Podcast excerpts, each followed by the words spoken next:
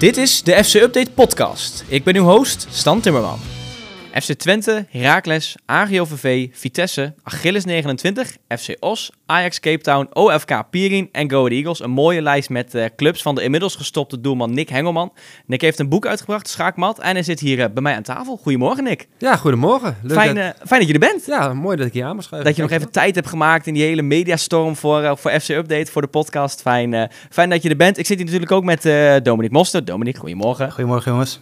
Ja, Nick, jij hebt een, een boek geschreven. Even in het kort, waar gaat het nou eigenlijk over? Is dit gewoon een boek waarin jij vertelt over jouw voetbalcarrière? Of zit er nog weer een soort randzaak bij? Wat, wat moet ik hiervan verwachten? Nou, het is niet een uh, typische autobiografie zoals uh, de meeste mensen denken. Het is uh, eigenlijk een, nou, noem het een half jaar, dat je op het moment dat je denkt aan stoppen tot het moment dat je gestopt bent. Je kan het ook een klein beetje zien als mijn verwerkingsproces. Want ja, je stopt niet van de een op de andere dag met, met voetballen. Dat, dat doe je niet, want ik heb tot slot denk ik een jaar of 29 tegen een bal aangeschopt. Het gaat eigenlijk ja, in die tijdspanne om mijn gedachten en wat er op die momenten in mijn hoofd gaat, ja, die komen aan bod. En dan komen natuurlijk ook flashbacks uh, naar mijn carrière. Maar goed, het is niet zo dat het bijvoorbeeld bij uh, VV Glanenbrug begint, waar ik begonnen ben, en uiteindelijk eindigt bij uh, Go Eagles. Het kan zo van Heracles over switchen naar Ajax en van daaruit weer naar Twente. Het gaat echt om um, ja, die twijfels en zekerheden wat je hebt als, als voetballer. Ja, in die periode dat ja, stoppen echt dichtbij komt. Want je neemt eigenlijk ook, want ik heb het boek dus grotendeels gelezen, je neemt ook eigenlijk de, de lezer een beetje mee in jouw proces waarin jij dat boek schrijft. Dat is ook wel een, een aparte manier van lezen eigenlijk, moet ik zeggen. Dan zit je weer in een café en dan vertel je over de setting waarin je dat boek schrijft. Ja, kijk, wat ik zeg, uh, je stopt niet van de een op andere dag. En uh, ja, die periode, die verwerkingsproces, uh, wat je daarvoor nodig hebt, en, ja, die heb ik proberen op te schrijven. En dan niet in een soort van dagboekvariant, maar gewoon in een mooi verhaal. En waar de rode draad eigenlijk de twijfel is. Want ja, als je zoiets zo lang hebt gedaan, zijn de twijfels zijn er altijd. En die zullen waarschijnlijk ook altijd nog blijven. Maar goed, ik heb daar een verhaal van proberen te maken. En ja, dat is echt die periode, echt het stoppen uh, voor, als betaald voetballen. Ja, want de meeste voetballers die schrijven dan inderdaad een boek over hun carrière. En dan gewoon van, oh, ik heb bij deze club dit beleefd en dat was de leukste trainer. Maar wanneer dacht je van, goh, ik moet eigenlijk een boek schrijven, iets meer over dat hele denkproces inderdaad van het stoppen? Nou, kijk, als ik een autobiografie over mezelf ga schrijven en over mijn carrière, ja, wie zit daarop te wachten? Uh, geen hond, hè? Laten Stukje we, zelfkennis dit. ja, precies. Uh, misschien mijn ouders en mijn vriendin, uh, die, die willen dat nog wel een keer gaan lezen, maar niet Pietje Puk uit Eindhoven. Dus ik denk, ja, wat, wat kan ik dan schrijven wat aanslaat? Want ja, ik vertegenwoordig met mijn carrière denk ik best wel een hele grote groep voetballers en ook een hele grote groep voetballers die niet echt wordt uitgelicht in de media. Kijk, de grote succesverhalen als een Andy van der Meijden of Slatan of noem de grote de Aarde, op. Ja, die krijgen allemaal een eigen boek. Dat is ook logisch, want dat zijn natuurlijk mooie verhalen.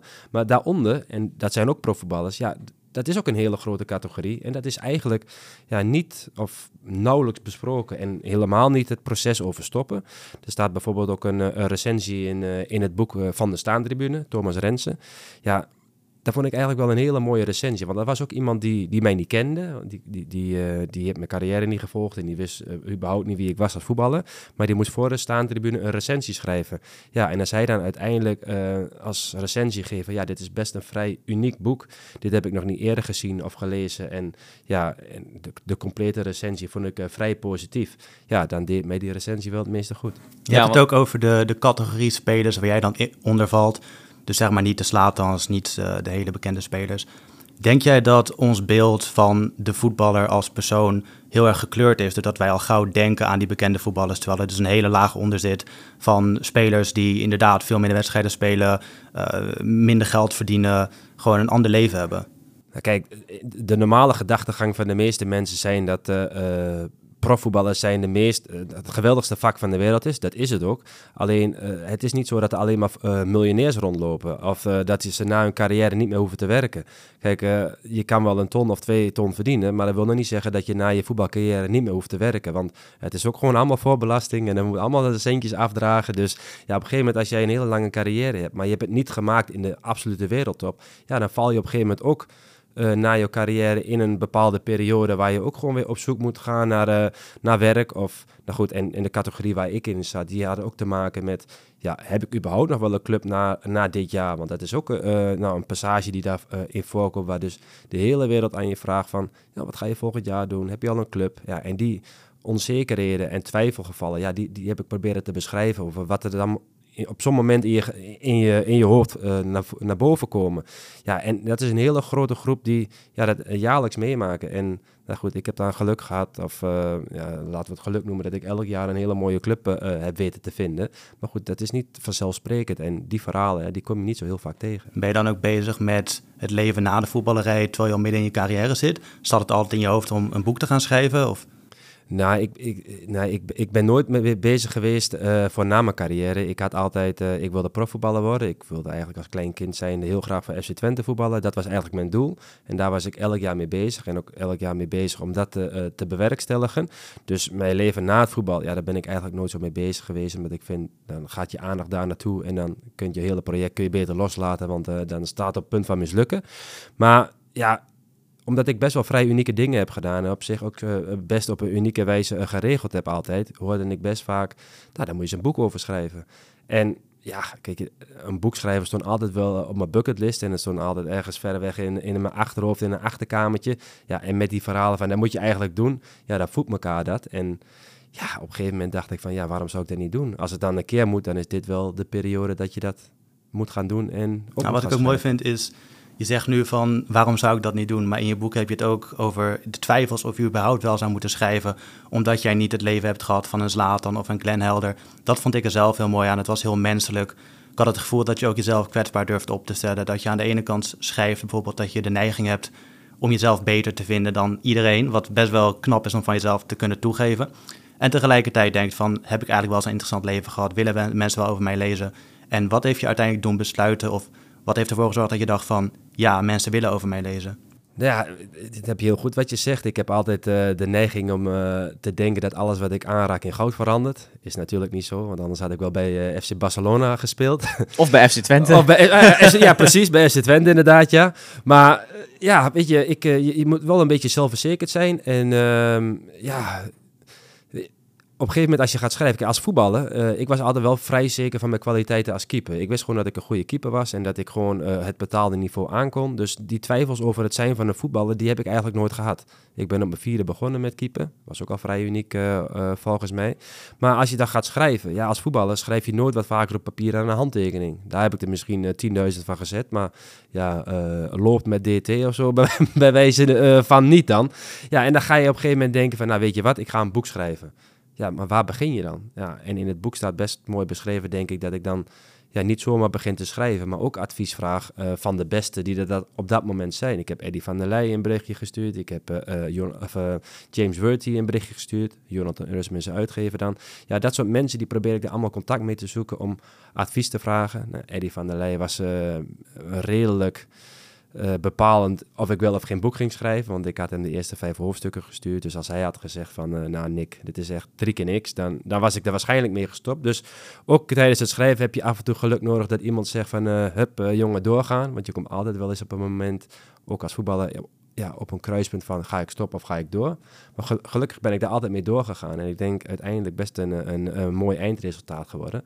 Maar goed, als, als schrijver had je toch af en toe de twijfels. En ja, als voetbal heb je ook eigenlijk altijd wel twijfels. Alleen had ik minder last van als schrijver. Het is wel grappig, want je hebt het inderdaad over uh, dat Eddie van der Leij daarin heeft geholpen. Maar als je die passage leest over dat je in de boekenwinkel stond en een belletje kreeg. Want dat was eigenlijk het moment dat jij besloot op dit boek moeten komen. Kun je daar even heel kort iets over vertellen? Ja, nou ja, ik, in mijn hoofd had ik het eigenlijk al wel besloten van ik ga een boek schrijven. Alleen ik kreeg het nog niet verkocht aan mijn vriendin. En op een gegeven moment zeg ik, nou ik laat het nu aan een professional lezen. En als hij zegt van ja, dit is hem dan gaan we ermee door. En dan had ik haar ook meer overtuigingskracht om haar te kunnen overtuigen.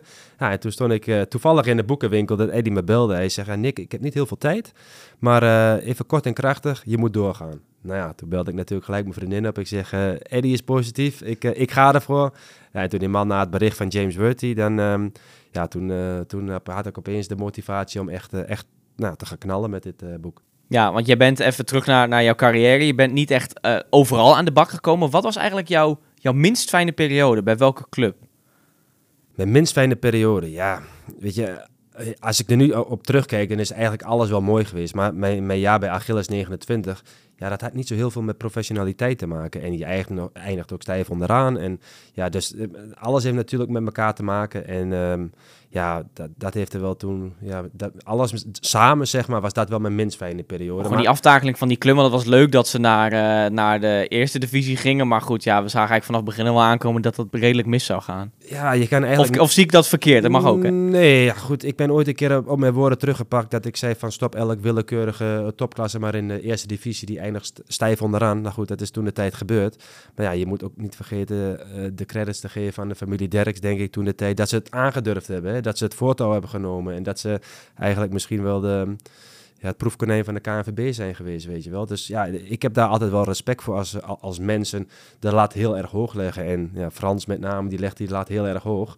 En dat is dan helaas misgegaan. Maar goed, ik vind wel dat je daar respect voor moet houden dat ze het in ieder geval aandurven. Zeker. En wat was jouw fijnste periode dan? Bij, bij welke club heb jij het fijnst gevoeld? Ik heb wel een soort donkerbruin vermoeden, maar... Nou ja, mijn, mijn, mooiste periode, wat ik het mooiste vond tijdens mijn carrière, dat was uh, Zuid-Afrika en Ajax Cape Town. Omdat ja, daar ben je basis spelen, daar, daar leef je in een stad dat denk ik misschien wel de mooiste stad van de wereld is. Uh, je leeft daar als god in Frankrijk. Uh, ja, alles is daar gewoon... Frankrijk? Ja, je leeft als god in Frankrijk. Dat is, een, is dat een uitdrukking? Dat is blijkbaar een uitdrukking. Ik ken hem ook niet. ken je die niet? Nee, die ken ik niet. Oh, nee. dat is, uh, nou, dan moet ik hem even Als god in Frankrijk, je wel toch? Ja, ik dacht even, nou, maakt het niet uit. Zuid-Afrika toch? Je kunt ook niet alles weten, maar als god in Zuid-Afrika. Dat is toch gezegd? ja, ja, ja, ja, ja nee, zeker. Als god in Afrika. ik, ga, ik ga het nu googlen. Als god in Frankrijk. Ja, ja, het is een ding. Ja, ja, ja. Nou goed, ik ben nou auteur, hè, dus dan heb ik de literaire neem je die kunst, dingen mee, ja. uh, ja, verheven tot, uh, tot kunst dan. Dus, uh. het klopt, ja. Want jij bent ook uiteindelijk van Ajax Cape Town naar Ajax gegaan. Volgens mij ben jij inmiddels ook de laatste speler, of nou ja, keeper dan in dit geval, die die, die overstap heeft gemaakt, of niet? Ja, ik zeg Stop. wel eens uh, gek scheren tegen iemand uh, als je een triviant vraag krijgt met uh, welke speler van Ajax Cape Town is de laatste die de overstap naar Ajax Amsterdam gemaakt heeft. Dan ja, zie ik ze altijd een paar seconden twijfelen en dan geef ik een knipoogje en zeg oh, dat ben jij zeker. Ik zeg, ja, dat ben ik. en want die, die periode bij Ajax, die omschrijf jij zelf als, als heel fijn. Alleen de, de afsluiting was een beetje, beetje opmerkelijk, om zo maar even te zeggen. Ja, dat ging natuurlijk om de ontslagbrief die ik uh, online heb gegooid. Maar ja, ik, ja, ik vind uh, Ajax Amsterdam misschien wel een van de meest prettige werksferen die ik uh, heb meegemaakt durende mijn carrière. Dus daar, daar was helemaal niks mis mee. Ja, en het feit dat je zo'n ontslagbrief krijgt, je noemt het ook al een redelijke formaliteit in je boek. Maar ja, op het moment dat je hem dan krijgt en ja, je wordt eigenlijk een beetje in een hoekje gedrukt van, nou ja, ga maar en doei. Ja, dat, dat, daar heb je uiteindelijk het heft in eigen hand genomen om daar wat tegen te doen. Ja, kijk, als, als speler helpt het natuurlijk altijd als een club uh, positieve berichten over jou schrijft. Dus als ze als bijvoorbeeld hadden gezegd, wij nemen afscheid van de volgende spelers, hebben zich altijd goed ingezet. Dat is voor de buitenwacht gewoon altijd iets positiefs. En ja, weet je, het schaadt jezelf nooit als voetballer. Ik zou het natuurlijk fijn vinden als, uh, als ze dat hadden gedaan en dan bijvoorbeeld een andere club denkt van, oh, uh, Hengelman die gaat weg, we zoeken nog een keeper, Ajax is positief. Weet je wat, die kunnen misschien wel eens bijgebruiken. Maar ja, hun wilden dat niet doen. En toen heb ik gezegd, dan ga ik dat wel zelf doen. Ja, en ik denk eigenlijk alleen maar als ze dan de, de heft in eigen handen hadden genomen. Maar als je iets kleins geregisseerd, misschien een klein Twitterberichtje of... Weet je, Iedereen was... ziet die verhalen wel eens voorbij komen van die en die stopt en we wensen hem succes in de toekomst. Die, die zijn, die gebeurt, dat gebeurt heel vaak dat je die voorbij ziet komen. Dat is heel normaal. Ja, mij. ik denk eigenlijk dat elke club dat wel doet. Dus, uh, nou goed, hun wilden dat niet. En dacht ik, dan neem ik het heft in eigen handen. En uh, ja, als ik iets doe, dan doe ik het meestal niet half. Dus ik denk, ik moet iets doen waardoor het opvalt. En ik denk, ja, nou waarom gooi ik gewoon niet de ontslagbrief uh, de wijde wereld in? Nou goed, en dat heeft voor mij positief uitgepakt. En waren ze bij Ajax wat minder content mee. Maar goed, dat mag het gevoel van het werken bij Ajax Amsterdam niet, niet, niet drukken. Zeg. Nee, want inderdaad zonder, want je kunt dan net zo goed bijna het hele boek hier gaan prijsgeven, maar zonder dat, dat te doen. Want hoe is dat precies gebeurd? Jij hebt uiteindelijk die brief op internet gezet en wat voor storm barstte er toen los? Ja, dat ging wel uh, viraal toen de tijd. Dus uh, alle, alle media's, alle kanalen, die, uh, die gingen natuurlijk helemaal los over dat bericht. Omdat ze, denk ik, zoiets ook nog nooit eerder hadden gezien dat de speler dat gedaan heeft. Dus ja, dat is vaak in de media. Als iets nieuws is of nog, wat nog niet vertoond is, dan, dan wordt dat opgepakt en dan wordt dat opgeblazen. Terwijl ja, de inhoud van de brief misschien niet zo heel, heel erg Ja, ik, ik, werkte, ik werkte toen en ik zag dat inderdaad voorbij komen. Ik heb er toen ook een artikel over geschreven, een aantal jaar geleden. De brief was doodsaai. Er ja. stond helemaal niks in. Maar het feit dat een voetballer zo'n brief op Instagram publiceert, dat had ik nog nooit gezien. En dat geeft ook een inkijkje voor onze bezoekers aan uh, in hoe dat gaat. Dus dat, dat vond ik zelf het interessante eraan. Maar waar, wat ik me wel afvroeg is, uh, je deed dit omdat je aan andere clubs wilde laten weten dat je weer op de markt was, dat je van Ajax kwam, als ik het goed begrijp. Mm -hmm. Maar ben je niet bang dat zo'n actie je kansen bij andere clubs verkleint? Dat die denken van nou, iemand die zulke e-mails op Instagram gooit, die willen we niet hebben. Is dat het risico waard? Ja, je moet af en toe ook een risico nemen en je moet ook een beetje overwegen, is dit het risico waard? En ja, ik vond de brief eh, ja, niet zo erg dat ik dacht van als ik dit opgooi, dat andere clubs denken van nou, dat is wel echt zo'n brutale speler, die moeten we er niet bij hebben. Kijk, ik, je moet er wel over nadenken van hij doet iets wat niet lekker valt bij, bij, bij Ajax. En ja, het is misschien wel eh, soms dat hij net iets dingen doet wat, wat niet in, in lijn van de club loopt. Of net een beetje iets buiten de pas. Maar ja, ik vind dat je als speler ook soms af en toe wel eens op dat grijze gebied mag lopen. En, uh, ik vond dat heeft je wel in één klap ook bekendgemaakt natuurlijk. Ja, goed. Ja, dat natuurlijk. En nou, ik heb daar ook wel een mooie club gehad uh, in het buitenland. Want dat, uh, ik weet niet of die de ontslagbrief hebben gelezen. Maar uh, ja, dat heeft misschien ook meer te maken dat ik bij Ajax voetbalde. Maar ja, ik, ik, vond het niet zo erg. Dus ik vond zeg maar de, um, ja, de risico om dat andere clubs mij dan in een, in de categorie boefjes zou plaatsen. Dat had ik niet verwacht. Heb je wel eens vaker in je carrière op deze manier een relatie op het spel gezet? Bijvoorbeeld met clubs of met spelers? Nee, want eigenlijk, uh, zoals ik zeg, ik ging naar de perschef heen en bij alle andere clubs ja, deden ze dat al. En bij enkele clubs wouden ze zelf nog een, eh, een afscheidsinterview geven. Omdat ik heb eigenlijk bij alle clubs al prettig gewerkt. En uh, ook met mensen op het kantoor. En ja, ze vonden het altijd wel, uh, wel jammer dat ik wegging, weet je wel. Dus op zich lag ik altijd wel goed in. Niet altijd met de trainers, maar dat heeft misschien wel ergens anders mee te maken. Maar goed, met de mensen binnen de club, daar heb ik altijd goed mee gewerkt. Dus dat, daar lagen ook eigenlijk nooit problemen. Het was alleen bij Ajax dat, dat ze daar niks mee wilden doen. Dus dat, dat begon eigenlijk al bij het tekenen van het contract. Ja, dat ik daar ook het heft in eigen handen neem. Dus ja, ze hadden het misschien kunnen weten vooraf.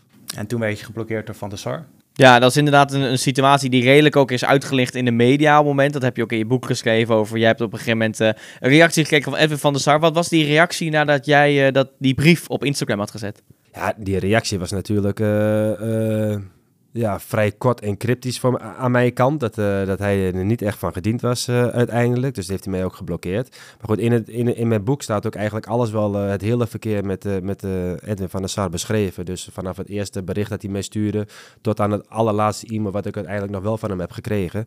Dus ja, dat, ik denk dat, nou goed, je hebt het hele stuk gelezen, denk ik. Ja, klopt. Ja, het is niet dat ik hem tot de grond toe aftakel. Nee, nee, er zijn de afgelopen weken best wat artikelen verschenen daarover. En dat gaat allemaal over Edwin van der Sar blokkeerde oud-doelman van Ajax. Natuurlijk is dat hetgene wat opvalt en dat is ook gewoon interessant. Maar wat er wel een beetje in ontbrak was dat het uiteindelijk wel goed kwam tussen aanhalingstekens. Dat je uiteindelijk wel een reactie van hem hebt gekregen.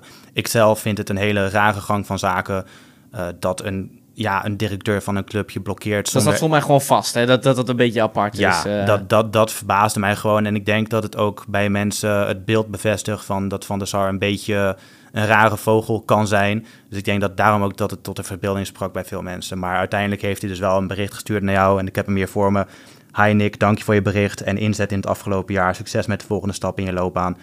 Um, nadat jij een e-mail had gestuurd om het uit te praten. Dat moet wel gezegd worden, anders had hij dat waarschijnlijk niet gedaan. Nee, ja goed, ik heb hem uh, na zijn blokkade natuurlijk verschillende uh, keren proberen te bereiken qua telefoon, app, uh, voicemail, noem maar, maar op. Ik heb echt mijn best gedaan en op een gegeven moment dacht ik, nou als ik nog één laatste e-mail naar hem stuur, want ik had zijn e-mailadres ook dan, ja, als hij daar dan niet op reageert, dan heb ik echt wel alle mogelijkheden aangegrepen om in ieder geval nog uh, mijn zegje te kunnen doen. En uh, daar heeft hij gelukkig op gereageerd en ik denk dat daar ook de kous mee af is. En, maar dan ja, weet je dat ook voor jezelf, hè, natuurlijk. Kun je jezelf een beetje met een goede gedachte, kun jij nu nog naar Amsterdam huppelen en uh, naar een wedstrijd van Ajax gaan, bij wijze van spreken? Ja, nou in het boek geef ik ook aan dat ik door de voordeur kan vertrekken, want zoals ik net ook al aangaf, ik, ja, ik, ik kon altijd goed met de mensen op het kantoor en eigenlijk binnen de hele club altijd wel. Ja, en als dan zo'n smetje nog ja, binnenkomt, ja, dan wil ik dat wel graag opgelost hebben. En want in het boek ga ik ook best vaak met de billen bloot over de dingen die ik fout doe.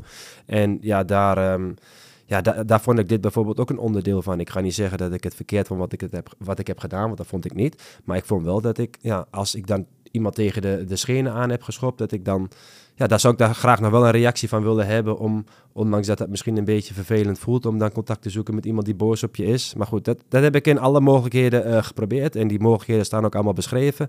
En uiteindelijk heb ik die ook gehad. En uh, ja, wat dat, wat dat betreft is daar de kous mee af. Ja, want wat het stom is, in dat boek staat inderdaad het appverkeer en het mailverkeer. Nou goed, daar ga je zelf wel een beetje een idee van. Maar ja, ik zie ook heel veel reacties dan op internet dat mensen denken dat jij dan inderdaad negatief bij Ajax bent weggegaan. Terwijl je het zelf omschrijft als een hele fijne club en allemaal eigenlijk heel positief. En dat dit dan een smetje is, maar dat moet voor jou ook de pret niet drukken natuurlijk. Nee, totaal niet. Ik, uh, ik denk dat ik in alle uitlatingen die ik uh, in de media heb gedaan alleen maar positief ben geweest over Ajax en hoe de, uh, de werksfeer daar is. En hoe ik vind dat hun de, hun eigen jeugdspelers proberen door te laten breken. Ja, ik vind, ik vind eigenlijk Ajax een hele unieke club. En ja, ik ben heel blij en trots dat ik daar onderdeel van heb mogen zijn. En, en, en vooral dat ik daar in de keuken heb mogen kijken. Want ja, ik, ik vond het alleen maar fantastisch eigenlijk. Maar dat is natuurlijk, dat staat ook in het boek. Hè? Dus het is niet van je hebt je boek uitgebracht met alleen maar uh, de trappen na, je gaat het nou recht praten. Het staat ook gewoon allemaal opgeschreven. Ja, nou goed, dus het is een beetje apart dat het alleen maar dat eruit gehaald wordt. Ik heb natuurlijk al verschillende interviews gegeven. En uh, nou goed, jullie uh, weten beide wel hoe de media werkt. Het zijn vaak de,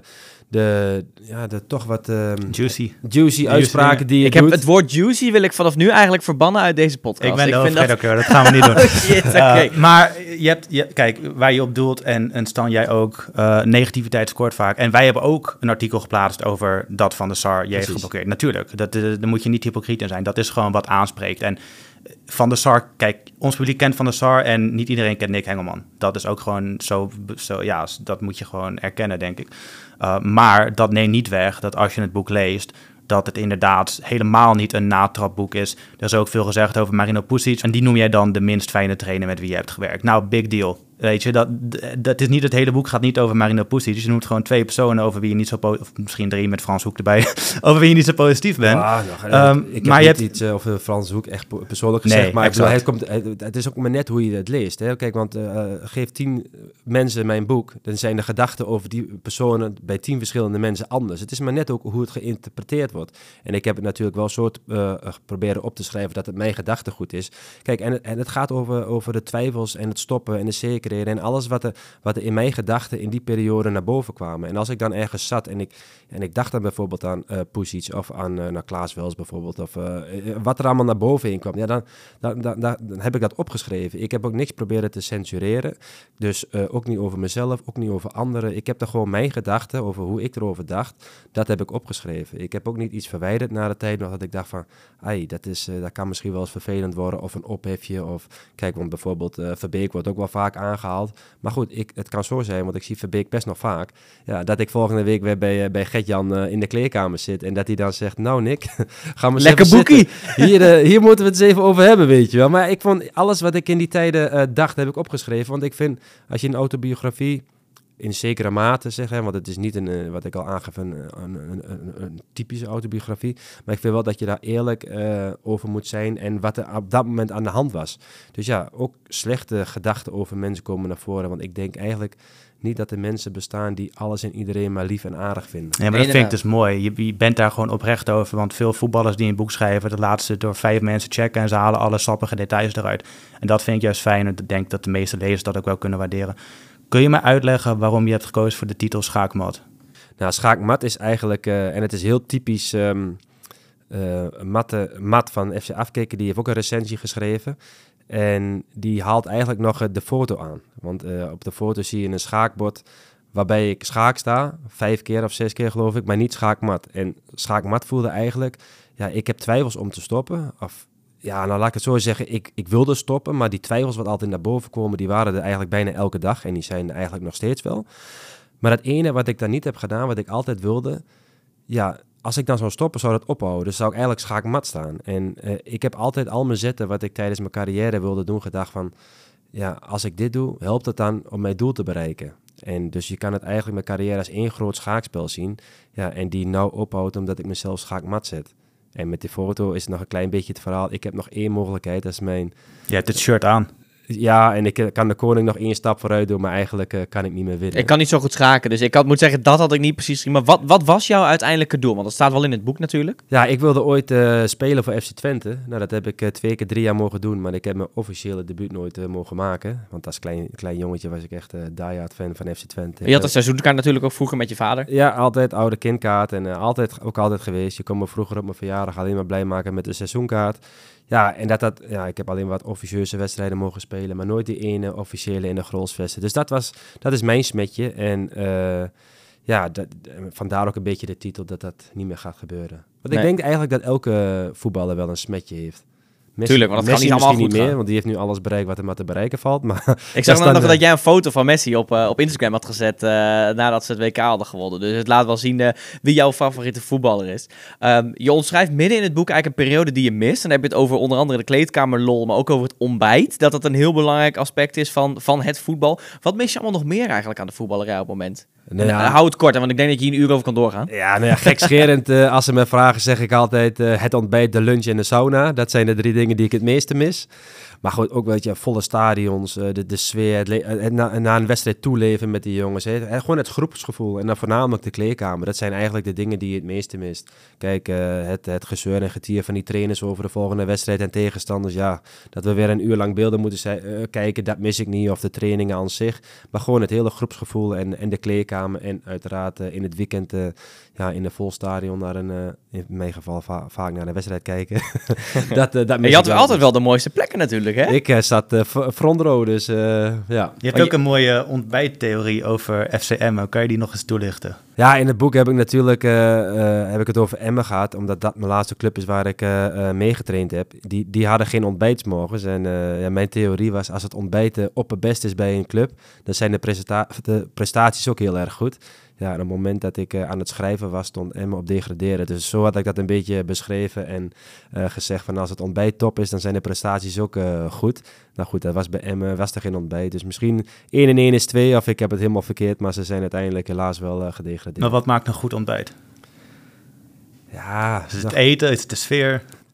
Nou, het eten moet natuurlijk ook goed zijn. Want als het eten niet te eten is, dan eh, gaan eh, eten de meeste jongens thuis. Maar als je, zoals waren bij Go Eagles, hadden gewoon heel uitgebreid uit ontbijt. En iedereen kwam ook gewoon s ochtends. En dan ga je met z'n allen in de, ja, in de, in de zitten. En de een die dat, de ander legt een kaartje. En weet je, het hele groepsproces wordt daar versterkt. En het is ook gewoon leuk, hè. Als jongens de, de, de of de kleedkamer binnenkomen lopen. En de een die ja, die loopt over de fashionwolk volgens zijn idee met eh, heel, een, een outfitje waar je u tegen zegt. Ja, dat zijn mooie dingen. En als je dan met elkaar gewoon eerst, voordat je echt serieus aan het werk gaat, gewoon wat, wat slap kunt hoeren tijdens het ontbijt. Ja, dat is, dat is, dat is mooi. En dat is Jonathan Reis of Wilfried Boni bijvoorbeeld eh, met de outfitjes waar je het over had. Ja, nou ja, Jonathan... Ik zag er iets voorbij komen over een horloge. Dat, ja, Jo- Jonathan had alleen een heel duur horloge aan. En eh, Wilfred Boni, die had... ja, hoe zeg het allemaal, maar de Louboutin schoenen en kleren. En eh, dat, dat, ja, gewoon de, de waarde van die kleding was net zoveel... eh, ja, goed, als deze hele studio bij elkaar. Een mooi autootje van halen Ja, precies, ja, Het precies. stuk, over, het stuk over Jonathan Reis, dat was persoonlijk mijn favoriete anekdote eh, die ik heb gelezen in het boek. Eh, het ging dus om een horloge, volgens mij zei hij 50.000 euro. Ja. Eh, en die kon hij betalen. Dat zag je dan aan zijn salarisstrook. Die werd uitge... Die, de salarisstrook, als ik het goed begreep, werden op papier uitgedeeld in de kleedkamer. Ja, vond ja. ik heel raar. Is dat normaal? Gaat dat vaak zo? Nee, dat heb ik niet vaak meegemaakt. Maar bij Vitesse kregen we gewoon de loonstrookjes eh, in de handen gedrukt. En eh, nou, normaal neemt iedereen dat loonstrookje eh, ongeopend in de tas mee naar huis toe. Maar hij scheurde dat ding gewoon door midden. En, ja, dan zagen we natuurlijk die nummers wat er allemaal op stonden. Dus, Daar door midden als in, hij hoeft er niet eens naar te kijken. Of door midden om het te laten zien aan jullie. Eh, ja, gewoon even te kijken of het volgens mij allemaal klopt. En dan is die, ja, toen is, is die brief natuurlijk geopend. En dan kun je met de schuin Dat oog nog een beetje meekijken. En eh, nou, ik kan je vertellen, die horloge kon niet makkelijk betalen. Leidt dat niet, ik, ik, ik blijf dat raar vinden, leidt dat niet tot gefronste wenkbrauwen als zo'n salarisstrook rondgaat in de kleedkamer en dat je bij elkaar meekijkt? Of vind je dat wel leuk, die openheid? Nou, weet je, kijk, in, in het voetbal is, doen ze allemaal best geheimzinnig over hun salarissen. En ja, voor mij hoeft dat niet, weet je wel. Ik heb met best veel spelers eh, ook open gesprekken over wat ik verdiende en wat hun verdienden. Ja, ik vind dat dat niet zo erg hoeft te zijn. Je maakt op voorhand afspraken met de club en daar ben je dik tevreden mee, denk ik. Want anders teken je niet. Ja, als je er vervolgens achter komt dat eh, eh, eh, een andere speler gewoon veel beter kan onderhandelen en het dubbele kan verdienen dan jij. Ja, dan moet je bij jezelf te raden gaan waar het dan mis is gegaan. Dus ja, wat mij betreft maakt het niet uit eh, of de een dan meer verdient dan de ander. Als je alleen maar voeren volgende keer om te zeggen van nou, ik heb er al twintig in liggen. Geef me is dat zo. Salaris Ja. maar. Of even bij je zaakwaarnemer aankloppen. Ja, precies. Of wisselen misschien. Ja. Dan gaan we toch gelijk even over naar eh, mijn favoriete stukje, want daar keek ik wel heel erg naar uit. Eh, de periode dat jij naar Bulgarije ging. Want eh, je, was op, je hebt altijd in Nederland gespeeld en toen kreeg je op een gegeven moment een telefoontje van je zaakwaarnemer dat er een club uit Bulgarije was, uit Blagoevrat, wel te verstaan als ik het goed uitspreek. Hoe ging dat? Want dat, ja, dat, vind ik heel, dat vind ik hele mooie dingen. Ja, Blagoev Karate heet het geloof ik. En Oh, eh, ik had daarvoor natuurlijk ook al in Zuid-Afrika gespeeld. Maar ja, hoe ging dat? Eh, Dat klopt, maar Ajax Cape Town vind ik voor een Nederlander, dat, daar is nog een linkje, maar dit... Ja, dat was wel eh, in een heel andere contraille inderdaad. Maar dat is, ik, ik, ik weet nog precies hoe dat, hoe dat was. Ik sliep bij mijn schoonouders op dat moment. En ja, ik kreeg op een gegeven moment een belletje van mijn zaakwaarnemer. Van nou Nick, ik heb een, een club voor je. Die wil je liever vandaag dan morgen. Ja, wa- wat gaan we daarmee doen? En toen eh, heb ik natuurlijk alle voorwaarden en noem maar op doorgekregen. En op een gegeven moment dacht ik van, ja, ga ik het doen, ga ik het niet doen? Ik heb de bek naar boven gegaan, heb mijn vriendin gevraagd van, wat, wat zou je ervan vinden? En zij was eigenlijk al wel een beetje van binnen klaar met het voetbal. Dus ze stond er niet echt op te springen, maar ze wist ook wel dat ik dat nog heel graag wilde. Ja, toen heb ik eigenlijk zonder overleg gewoon eh, een ticket geboekt naar Bulgarije. Enfin, dat deed de club dan voor mij. Eh, heb ik gezegd van, nou is goed, gaan we doen. En de volgende dag zat ik al in het vliegtuig naar Bulgarije zonder eh, alles te overleggen met, eh, eh, met de schoonfamilie en mijn eigen familie. Dus eh, ja, dat werd me even niet in dank afgenomen daar. Dus ja, dan, dan kwam ik eigenlijk in, in, conflict met mijn schoonvader en, en, eh, en iedereen. Dus eh, ja, toen moest ik uiteindelijk ook gewoon met de billen bloot om dat allemaal weer eh, eh, goed te maken. Maar dat is, het lijkt mij wel een mooie periode als je gewoon daar in het buitenland voetbalt. Je komt als, ja, als Nederlander, kom je daar, je kent niks of niemand. Dat is ook wel weer leuk, lijkt me. Ja, het is, het is een beetje apart. Anders had je natuurlijk ook niet gedaan. Maar... Nou ja, goed, ik, eh, ik, ben, ik werd daar ook een beetje op, eh, op handen gedragen daar. Want ik kreeg laatst een berichtje van een, van een speler die werd uitgenodigd voor, eh, ook voor FC Pirin. Ja, ik zeg, ja, ik vond het fantastisch. Ik had alles voor elkaar. Ik had een mooi appartement. alles werd goed geregeld. Ik had een privéchauffeur vanaf het vliegveld. Ik hoefde maar boer of bad te, te zeggen, het werd voor me geregeld daar allemaal. Dus ik voelde me een beetje alsof Messi binnen werd gehaald. Maar bij, bij hem was het dus helemaal niet het geval. Hij kreeg helemaal niks geregeld. Dus dat is ook een, er was ook een beetje een omslag, eh, want de hoorsponsor die, eh, die stopte er uiteindelijk eh, mee. Dus misschien is het geld ook op daar. Maar toen ik er zat, werd ik gewoon op handen gedragen en alles was goed geregeld. niveau was erg hoog, moet ik zeggen. Want toen speelde Stanislav Manolev nog, wel bekend van PSV. Ja, en een paar andere grootheden uit Bulgarije zelf.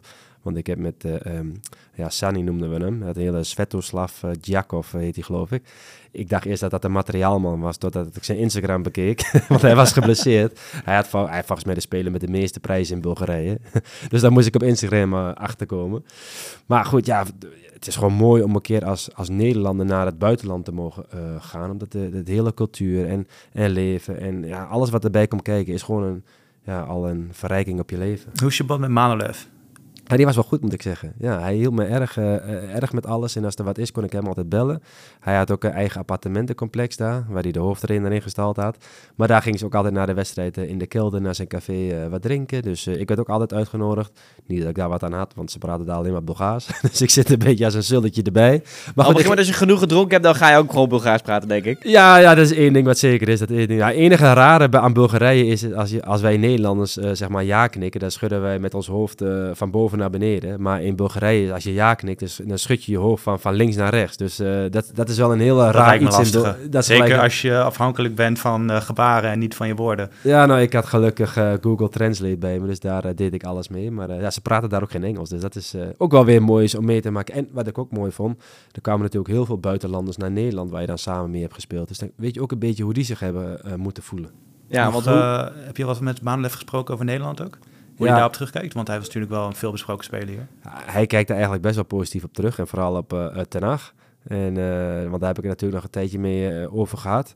Van de Gijp, uh, ja, daar heeft hij eigenlijk niet zoveel over. Ik weet ook niet of hij daar echt superveel mee heeft gekregen. Maar uh, Van de Gijp is niet echt, uh, want daar deel jij misschien een ja, beetje nou, op, dat, is wat, dat is in ieder geval wat ik en ik denk veel anderen wel als eerste in het hoofd hebben bij de naam Manolev. Ja, dat is, zit er zo diep ingeprent. Ja, als ik, als ik Manolev zeg, denk ik ook aan Gijp. Maar goed, dat is eigenlijk helemaal niet ter sprake gekomen daar. Het was gewoon over de mooie tijd die hij bij PSV heeft gehad. En ja, eigenlijk dat niet, nee. Nee, dat vind ik mooi om te horen dat hij het wel naar zijn zin heeft gehad hier. Het enige Nederlandse woord wat hij nog kende was klootzak, volgens mij. Ja, dat stond in je boek, had ik gelezen. ja.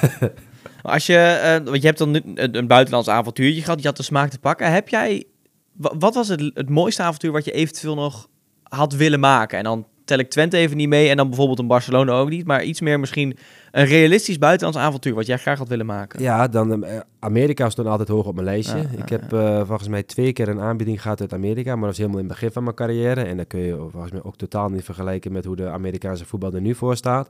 Maar Amerika stond altijd hoog op mijn lijstje. Dus uh, vandaar ook dat ik Frans Hoek toen de tijd een berichtje heb gestuurd. Daar wilde ik inderdaad nu oh, naartoe. Want jij hebt op een gegeven moment een, een, een, een, mailtje die kant op gedaan, of een appje, ik weet niet meer precies wat het was. Voor mij een appje trouwens. Ja. Naar, nou ja, om even de vraag van, goh, ja, zoeken jullie nog een keeper? En daar kreeg je toch wel, ja, daar kreeg je niet de reactie op van, nou, laten we even bellen, maar... En wij voor de context, hè, want mensen denken bij Frans Hoek aan Nederland zelf dan, maar hij was toen keeperstrainer bij Orange County? Of? Nee, volgens, nee, ik zag iets staan dat hij daar uh, een belang in had, of dat hij daar uh, contacten mee had. Of ad betrokken. adviseur betrokken. betrokken. En ja, ik denk van, ik trok altijd de stoute schoenen aan. Hè. Ik belde nooit zaakwaarnemers, maar ik belde technisch directeuren, trainers, coach, alles. Iemand, iedereen die maar gewoon iets te vertellen had binnen de club, die me dus kon vertellen, ja, we zoeken wel of we zoeken geen keeper. En ik zag dat hij banden met, ik dacht dat het Orange County was, zo even uit mijn hoofd. En ja, ik denk, nou weet je, ik trek de stoute schoenen aan en ik, uh, en ik vraag gewoon daarna. En hij was toevallig net keeperstrainer van het Nederlands elftal geworden. Dus daar had ik hem ook voor gefeliciteerd. Maar goed, het, het gaat eigenlijk meer, dat stuk gaat meer over dat ik ja, stoute schoenen aantrek en gewoon dat soort mensen ook een berichtje sturen. Want dat, dat volgt volgens mij uh, na het verhaal van, van Edwin op. Ja, en dat, daar daarbij wilde ik alleen maar laten zien van ja, ik belde echt iedereen om te kijken of ik iets voor elkaar kon krijgen. Maar dat is ook prima toch? Want je kunt wel via allemaal zijweggetjes uh, aanvragen doen, dan weet ik veel. Maar je kunt toch beter inderdaad direct de mensen benaderen die er daadwerkelijk wat over te zeggen hebben, lijkt me. Nou, Frans is altijd niet op prijs, dus misschien ook weer niet.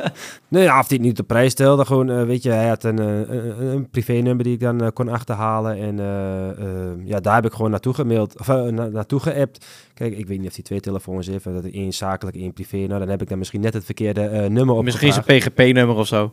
Nee, ja, goed. Ik, misschien heeft hij twee telefoonnummers en de een is gewoon voor zijn familie en vrienden. En daar heb ik net de verkeerde gekregen. Dus, ja, kan gebeuren. Kan gebeuren. Toen was je klaar op een met Bulgarije en ook bij Go The Eagles. Toen zag ik een Instagram-post en moest ik wel heel erg om lachen. Ik zal hem eventjes even voorlezen. Go The Eagles. Na jaren van flirten gaven we elkaar eindelijk de kus. Bij die kus zou het blijven en deelden we nooit het bed. Vandaag nemen we afscheid van elkaar en is de fantasie, fantasie wel beter dan het. Go Ahead Eagles, het was, mooi, het was een mooie korte tijd. Het ga je goed, liefst Nick.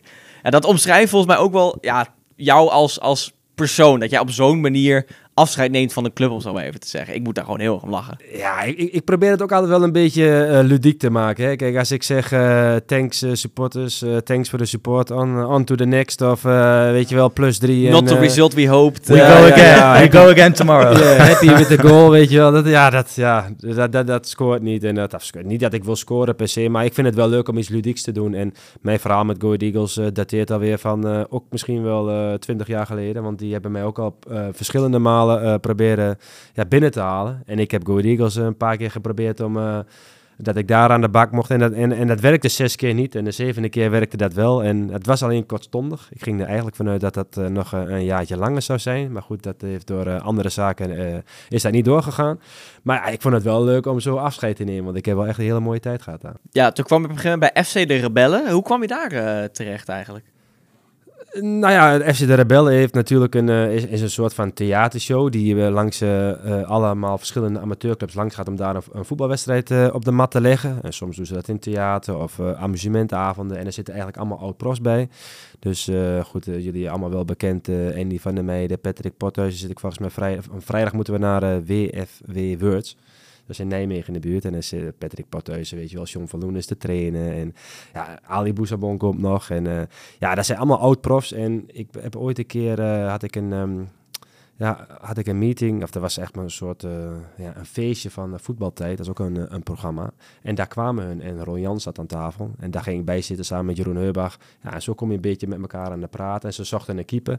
Maar goed, ik kon toen de tijd niet. Maar toen zei ze, als we ooit nog een keer een gaatje hebben, dan, dan melden we ons. Nou, die hadden ze. En zo is het eigenlijk gegroeid. En dan uh, ga je vaker met elkaar op stap. En dan, uh, die, want het is gewoon een hele geweldige groep. En uh, we hebben allemaal een goede klik met elkaar. En dan, ja, dan, dan, rol je daar steeds dieper in. Ja, je, je bent dan omringd door voetballers die al gestopt zijn. Is daar misschien ook een beetje wat gaan opborrelen van... Nou ja, goed, je kunt met die mensen in gesprek over hoe het is om te stoppen. Wat ze dan daarna eventueel doen. Heeft dat geholpen in het maken van jouw besluit?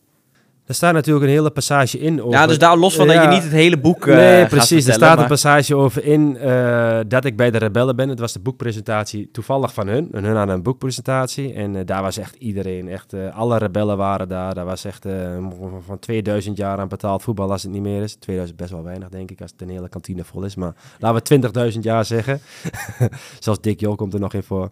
En ja, als je daar met die mensen praat over jouw twijfels om te stoppen ja, die snappen dat allemaal. Die hebben dat eigenlijk dat traject al afgelegd. Dus als ik dan bijvoorbeeld met hun aan het praten was over de twijfels die ik had en welke gedachten ik had, dan, ja, dan kon ik daar best veel uh, bevestiging uit halen. En als ik met een, gewoon een doorsnee iemand uh, bij de Albert Heijn aan het praten was, dan ja, die kunnen dat niet zo makkelijk begrijpen. Omdat ja, je gaat toch nooit stoppen met profvoetbal? Dat doe je totdat je in een rolstoel zit, lijkt me. Ja, precies. Dat, soort dingen en, en, en, voor hun is dat natuurlijk uh, ja, je droombaan. En het is ook wel je droombaan, maar ja. ja. Je moet er ook veel verlaten. Je moet er ook veel verlaten. En als je dan met die oud-profs uh, daarover kunt praten, ja, dan lig je eigenlijk, ja, eigenlijk gewoon echt goed op één lijn. En ja, dat vond ik trouwens wel een mooie passage in het boek, moet ik zeggen hoor. Want dan wordt het voor jou ook misschien wat meer realistisch. Want op de eerste momenten dat je denkt aan stoppen, dat is misschien nog wat. Dan denk je van nou, dat is wat ver weg. Maar na zulke gesprekken, dan is dat misschien wat realistischer uh, geworden voor jou. Nou goed, de, de bevestiging die je krijgt over de gedachten die je hebt, die, die zijn best goed. daarbij komen daarna wel weer twijfels over het schrijven van een boek, want dat zijn allemaal gevestigde namen. He, dat, uh, Andy van der Meijden die heeft misschien al wel tien boeken uitgebracht. En dan heb je Patrick Pothuizen die fantastische verhalen heeft. Ali Bouzabon die fantastische verhalen heeft. Ja, dan ga je bij jezelf denken van ja, wie is dan Nick Hengeman? Dat, uh, volgens mij heb ik in het boek gezegd, dat sukkeltje uit Enschede die uh, nog, in, uh, nog net 100 wedstrijden heeft gespeeld, weet je wel, van hoezo gaat hij een boek schrijven? Nou, en toen ben ik na gaan denken, ik, nou, ik, had ik al bedacht voor die avond, maar dat moet dus een verhaal zijn wat, wat uniek is en, ja, en, en, en een laag van de eh, voetballers uh, betekenen die niet zo vaak wordt uitgelicht in de, in de media. Dus. Ja, want dat is inderdaad de categorie spelers. Daar heb je het aan het begin nog wel redelijk over. Maar wat is dan eigenlijk die categorie? Want dat is misschien ook een beetje ongrijpbaar. Maar wat zijn de categorie spelers waar jij jezelf dan ook bij bij vestig, zeg maar. Ja, dat zijn misschien niet de voetballers die altijd maar bij de topclubs uh, in de schijnwerpen staan en altijd maar voor de prijzen spelen. Dat zijn ook gewoon de jongens die uh, elke dag twee uur in, uh, in, in de bus of in de trein van Rotterdam naar Oslo rijden, die daar proberen hun droom na te jagen en dat zo lang mogelijk proberen te doen. Of misschien bijvoorbeeld die reservekeeper van Manchester City, weet je hoe die heet?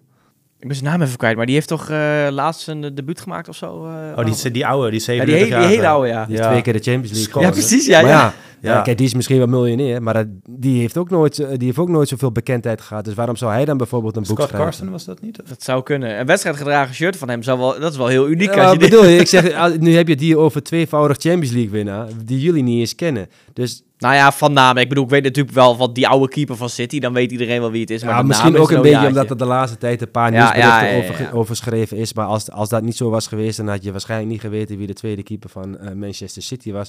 Dus eigenlijk een beetje die keepers die ja, toch in de schaduw van, uh, van de belangrijke elf spelers staan. Waren dat ook, waren dat ook de, de type spelers met wie jij misschien een betere connectie had dan bijvoorbeeld de, de sterspelers van Ajax? Nou, ik, vind bijvoorbeeld uh, als ik bij Ajax uh, één speler op zou moeten noemen wat ik echt een topper vind, dan zou ik Davy Klaas bijvoorbeeld zeggen. Ik, ik kwam maar daar de eerste dag binnen en uh, ik zat op de fiets en uh, Davy was een van de eerste die bij me kwam. Hij zei, hey Nick, mooi dat je er bent man. En, want toen was net de documentaire Paradijsvoetballers uitgekomen. Nou, en daar begon helemaal over te praten. ik vond het echt mooi om te zien en ging niet allemaal dingen vragen over hoe het dan in Kaapstad was en dat soort dingen. Dus ja, alleen dat is al gewoon een heel fijn binnenkomen, omdat ja je komt toch bij Ajax binnen. Hè? Het is toch Davy Klaassen, uh, toch wel een grote speler. En ja, dat hij daar zo warm wordt ontvangen, dat, uh, dat, dat, dat, vond ik wel mooi. Want in die periode dat jij daar zat, speelde ook bijvoorbeeld een Martinez, Tagliafico, ja. allemaal dat soort jongens speelden daar ook. Maar je werd dus absoluut niet met, met de nek aangekeken, begrijp ik. Nou goed, sommigen die me niet kenden, dat is wel heel even dat een beetje schuw zijn. Hè? Want het is toch altijd van, uh, ja, er komt weer iemand nieuw op de werkvloer. In, in, in, de eerste periode deed ik natuurlijk nog veel al met, met de tweede mee. Maar ook met Onana dat ik de eerste keer op het veld zat. Ik denk niet dat hij weet wie ik was. Want toen ik uh, aan het trainen was, toen waren we aan het afwerken. En toen... Uh, op een gegeven moment zegt hij, ah, weet je wat, pak ze allemaal maar. Hij was niet de meest harde, werker op het trainingsveld. En toen zeg ik, ik zeg, pak ze allemaal maar. Ik zeg, uh, wil je me dood hebben of zo? Ik zeg, uh, ik ben niet meer de jongste. Hij zegt, hoe oud ben je dan? Ik zeg, wat ook alweer? Van, wat weet ik toen, 32 of zo, of uh, 31, 32. Hij zegt, die meen je niet. Ik zeg, hoe, hoe, hoe, oud ben je dan? Gaf ik dat aan. En toen zegt hij waar ik allemaal gespeeld heb. En toen vertelde ik dus dat ik in Zuid-Afrika heb gezeten. Nou, daar wou hij natuurlijk ook alles over weten. Dus hij was wel compleet verrast over wie ik was, denk ik. En hoe oud ik was. Dus, Maar goed, het lijkt me ook als iedereen die voorbij komt... dat je daar dan gelijk beste vrienden mee wordt. Dan ben ik nog wel even bezig bij zijn voetbalclub. Ja, maar Onana, ik bedoel, je bent allebei keeper. Nee, je bent in waar, principe zijn concurrent. Een van zijn concurrenten, toch? Ja, ja, er wel een beetje wat over je bent gewoon de concurrent van Onana geweest. Ja, ik dat vond even... dat ik mezelf wel kon meten met hem, maar dat uh, vond Erik ten Hag niet. Goed, dat soort dingen gebeuren. Je hebt uiteindelijk nog aan het einde, tijdens het schrijven van het boek, kreeg jij nog een aanbod om naar Lommel te gaan. Je omschreef een beetje hoe dat voelde. Dat lijkt me dat dat ook wel weer heel erg aan je trok. Uh, zeker op, op zo'n moment, op het moment dat je al aan het schrijven bent over zo'n boek. Ja, kijk, je, twijfelt eigenlijk constant. Moet ik het doen? Moet ik het niet doen? Waarschijnlijk en, nog steeds. Ja, nog steeds hoor. En ook zeg maar nadat ik me de, de laatste hoofdstuk had afgerond, ja, toen werd ik ook nog eens gebeld. Ik, ik kan me nog heugen een Ierse club en Den Bosch die belde nog. En Den Bosch uh, belde toen ik in de pub in Manchester zat. Dus had ik al vier halve liters achter de kiezen. Ja, en ik heb eigenlijk Totdat ik uiteindelijk bekend maakte dat ik een, een, eh, boek uitbracht en dat ik echt gestopt was met voetbal, heb ik ook nooit gezegd tegen die clubs dat ik ehm, gestopt was. Ik zei altijd, ja, ik ben super fit, was ik niet. Maar, dus mijn excuses nog bij deze aan al die mensen die, uh, waar, waar ik dat aan verteld heb. Ja, en ik zei altijd van, ja, als je een mooie aanbieding hebt. Ik dacht van, ja, straks geven ze zo'n hoog, zo'n hoog bod. Daar kun je nee tegen zeggen, weet je wel. Dus ik heb het altijd maar gewoon uh, open gehouden. Maar ja, in mijn hoofd was ik altijd wel gestopt. En toch is het dat jongetje, aan je rechter, uh, dat jongetje op je rechter schouder die denkt van, ah, het kan toch nog wel. Pak nog even die training op en ga erheen. En nog één keer in dat volle stadion. Den Bos moest volgens mij nog tegen Herakles uit. Vol stadion, NAC uit, vol stadion. Hoe oud ben je nu precies? Nu ben ik 33. Dat is voor een keeper kan je ja, precies, kom je, kom je alweer aanzetten ja. wat iedereen zegt. dat is wel zo. Ja, maar ja, goed, voor de ene stopt het op je 33ste, voor de andere stopt het op zijn 40ste en weer een andere is, heeft nooit mogen beginnen. Maar het is wel, je hebt het ook over de categorie spelers waar je toe behoorde. Ik ken niet je persoonlijke situatie, maar ik denk dat je niet voor de rest van je leven financieel onafhankelijk bent. Klopt dat? Nee, ik moet ook gewoon uh, nog aan het werk. Ja, dan denk je dat hij een boek schrijft. Ja, ja. daarom. ik, maar probeer, dan... ik probeer hier nog een zakcentje aan te verdienen. ja, en terecht hoor. Dus als jullie even goed je best doen, dan kan ik gewoon nog even genieten van mijn oude dag. En anders moet ik me helemaal de schompers werken. Maar is dat ook, is dat ook wat, je, wat je wil doen? Carrière in de media, schrijven, of heb je dat nog niet echt uitgedacht? Nou ja, goed. Als je het boek leest, dan zie je uh, best veel passages over dat ik allemaal verschillende mogelijkheden bedenk. Hè. Uh, scout, zaakwaarnemen, trainen, keepers trainen, uh, in de media, noem maar, maar op. Het zijn allemaal dingen die je tijdens het, ja, het nadenken over uh, dingen na je carrière, die allemaal opkomen. En dat heb ik ook allemaal beschreven, over welke dingen ik nadacht, over welke dingen ik op touw probeerde te zetten. En ja, uiteindelijk moet de, categorie waar ik in zit gewoon naar een carrière werken. Tuurlijk, als je het een beetje goed hebt gedaan, kun je nog een paar jaar uitzitten. Maar ja, daar kun je niet tot je, tot je, tot je dood kun je dat doen. Dus ja, je, moet, je moet wel ergens over nadenken. En um, ja, ook nu ben ik nog steeds zoekende. Mijn project was boek, dus daar ben ik niet mee bezig. En ik werk ook gewoon uh, daarna. Ik, uh, mijn moeder heeft een eigen uh, bedrijf, die is fabrikant van raambekleding, Sunreep. En ja, daar werk ik ook gewoon een paar dagen voor. Maar goed, ik heb wel altijd gezegd, als de dingen tussendoor komen, dus bijvoorbeeld het boek, dus bijvoorbeeld het interview uh, met jullie vandaag, ja, daar wil ik daar uh, mogelijkheden toe hebben, omdat ik wil dat ook uh, ja, onderzoeken. Kijk, en, en iets in de media, ja, dat heeft me ook altijd wel getriggerd. Dus ja, misschien komt dat ook nog wel een keer van de grond. Sta een keer aan de andere kant van de microfoon, zeg maar normaal gesproken word je dan geïnterviewd en dan ga je er een keer achter staan. Ja, lijkt me wel een keer lekker hoor, om even zo'n moeilijk interview bij die spelers voor de schenen te leggen. Jij weet precies hoe een speler denkt. Dus ja, goed, Dominique, ik zeg, maak er werk van. Um, nog even terug nog even terug naar dat gedeelte van Lommel. Want op een gegeven moment, ja, ik heb het dus gelezen zonder, nou, nogmaals, zonder al te veel prijs te geven. Dat ging op een gegeven moment niet door. Was dat voor jou misschien echt de doorslag van, oké, nu, nu is het echt klaar? Of is die er eigenlijk nog nooit geweest en gaat die eigenlijk ook nooit komen totdat je een van je benen moet missen, om zo maar even te zeggen? Nou, het was niet echt de doorslag, maar het was wel even een, een soort van kantelmomentje. Uh, dat dat, dat jongetje op die rechter schouder, die hoop die hij je geeft, dat hij toch wel even weer uh, een, een mokerslagje krijgt. Want uh, je, ja, je emoties gaan van, van het nulpunt naar, naar, het, hoogtepunt en weer terug. En dat allemaal binnen een tijdsbestek van twee, drie dagen.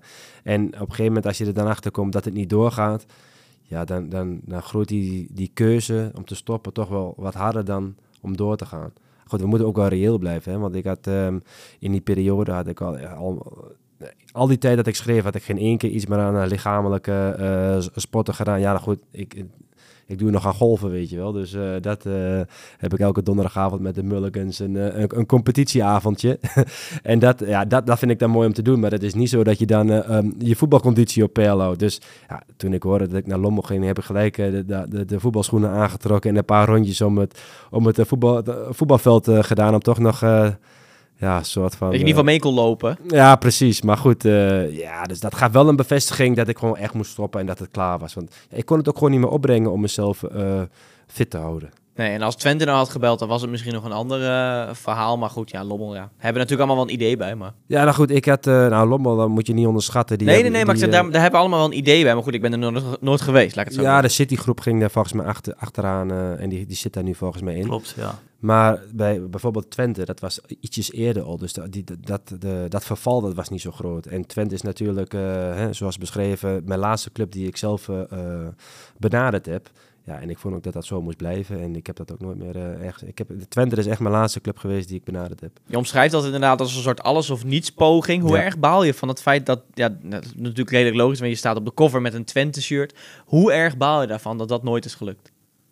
Nou, vanzelfsprekend. Maar... Ja, niet, het is niet dat ik daar wakker van lig hoor. Ik vind zelfs een mooie passage nog wel dat ik zeg van... Um, dat is een vergelijking met Mitch die één wedstrijd heeft gespeeld uh, in de Champions League voor Twente dan. En ja, mijn avontuur met Zuid-Afrika. Ik zou denk ik niet eens meer ruilen met elkaar. Maar goed, het blijft een smetje en dat smetje zal er altijd zijn. Maar het is niet dat ik daar niet, uh, niet om kan slaan. Je, je, hoeft niet bang voor mij te wezen. Nee, nee je hebt altijd een seizoenskaart gehad uh, met je vader bij FC Twente. Komt die er binnenkort weer als die hele schrijfstorm is neergedaald?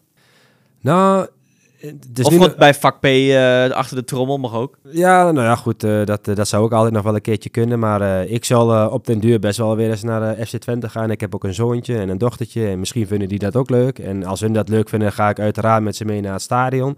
Maar goed, het moet ook, is misschien ook nog wel een beetje het is niet dat ik uh, super vaak aan denk om daar naartoe te gaan. Ik heb ook iets te druk daarvoor. Maar ja, ik vind het niet erg om daarheen te gaan. Want iedereen... Daarom zou ik als die schrijfstorm is neergedaan. Want lijkt me daarbij nou heel druk mee. En dan gaat het alleen maar daarover. En op den duur, als je dan een beetje je draai vindt in de werkende wereld, om zo maar even te zeggen, in, in wat je dan ook doet, dan lijkt het me dat een, uh, een middagje Twente er altijd nog wel in zit. Uh, ja, nee, ja, weet je, het, het, is een prachtig stadion, prachtige sfeer en uh, ze voetbal ook fantastisch, helemaal afgelopen jaar natuurlijk. Dus uh, ja, als, als, als ik daar naartoe kan gaan en ik heb een vrije avond, ja, dan ga ik er met alle plezier naartoe. Ik ken natuurlijk ook heel veel mensen die op kantoor werken. En uh, ja, de dames die bij de ingang staan, uh, die, die werken daar al jaren. En uh, ja, die vinden het ook altijd leuk als ik weer een keertje kom. Dus ja, dat zijn altijd wel leuke dingen om te doen. En dat zal ook in de toekomst ook wel gaan doen. Want ik ben en blijf gewoon een supporter van FC Twente. Je had het in, de, in het boek erover dat je eigenlijk iedereen's nummer in de voetballerij wel hebt. Je zegt van jezelf, ik ben bekend in het voetbal en onbekend daarbuiten. En ik vroeg me af, noem eens wat grote namen die je in je telefoon hebt staan en wat is je connectie met die spelers of die personen? Nou ja, het, ligt natuurlijk. Uh, ik, ik belde iedereen zelf. Hè. Ik appte iedereen zelf of ik stuurde zelf een mailtje. Dus uh, als ik bijvoorbeeld Edwin van der Sar wilde bellen, had ik zijn nummer nodig. Ja, ik ben altijd maar één persoon verwijderd van van iemand. Dus uh, ja, op een gegeven moment dan vraag ik gewoon aan de bekende of ik dan zijn nummer kan krijgen. Dus ja, e- Edwin van der Sar, ja, die staat daar nog wel in mijn telefoon, ik niet in de zijne. Maar ik, ik bedoel, uh, ongetwijfeld zal ik er nog in staan, dat weet ik niet. Maar ik bedoel, ja, dat zijn toch wel allemaal ja, grote spelers. En ja, je moet maar zo denken, als ik een nummer van iemand heb, en dat staat ook al beschreven, uh, het nummer van Joachim Kroeg.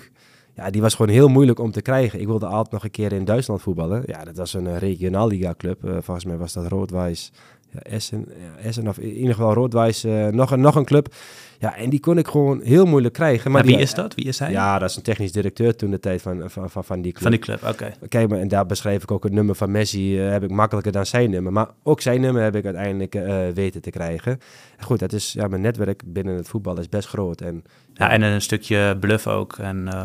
Ja, ja, ja ondernemersmentaliteit. Professionaliteit ook natuurlijk. als jij je goed uh, profileert en jij, nou ja, gooit niet, al, niet de nummers op straat, zeg maar, los van de ontslagbrieven, dan vertrouwen mensen je ook wel meer met dat soort dingen. Precies, en uh, dat, dat is het ook. Hè. Kijk, de mensen waar ik een nummer aan vraag, die weten dat ik dat nummer gewoon met respect behandel. En alle berichten zijn ook altijd met respect geweest. En uh, zoals met Frans ook, die wil dan dat ik zijn nummer verwijder, dan verwijder ik zijn nummer. Dus ja, weet je, in, in, het is gewoon een algemene bekendheid dat in de voetballerij iedereen kent elkaar wel. En iedereen kan zo aan elkaars nummer komen. Hè? Want ze vragen mij ook wel eens voor een nummer.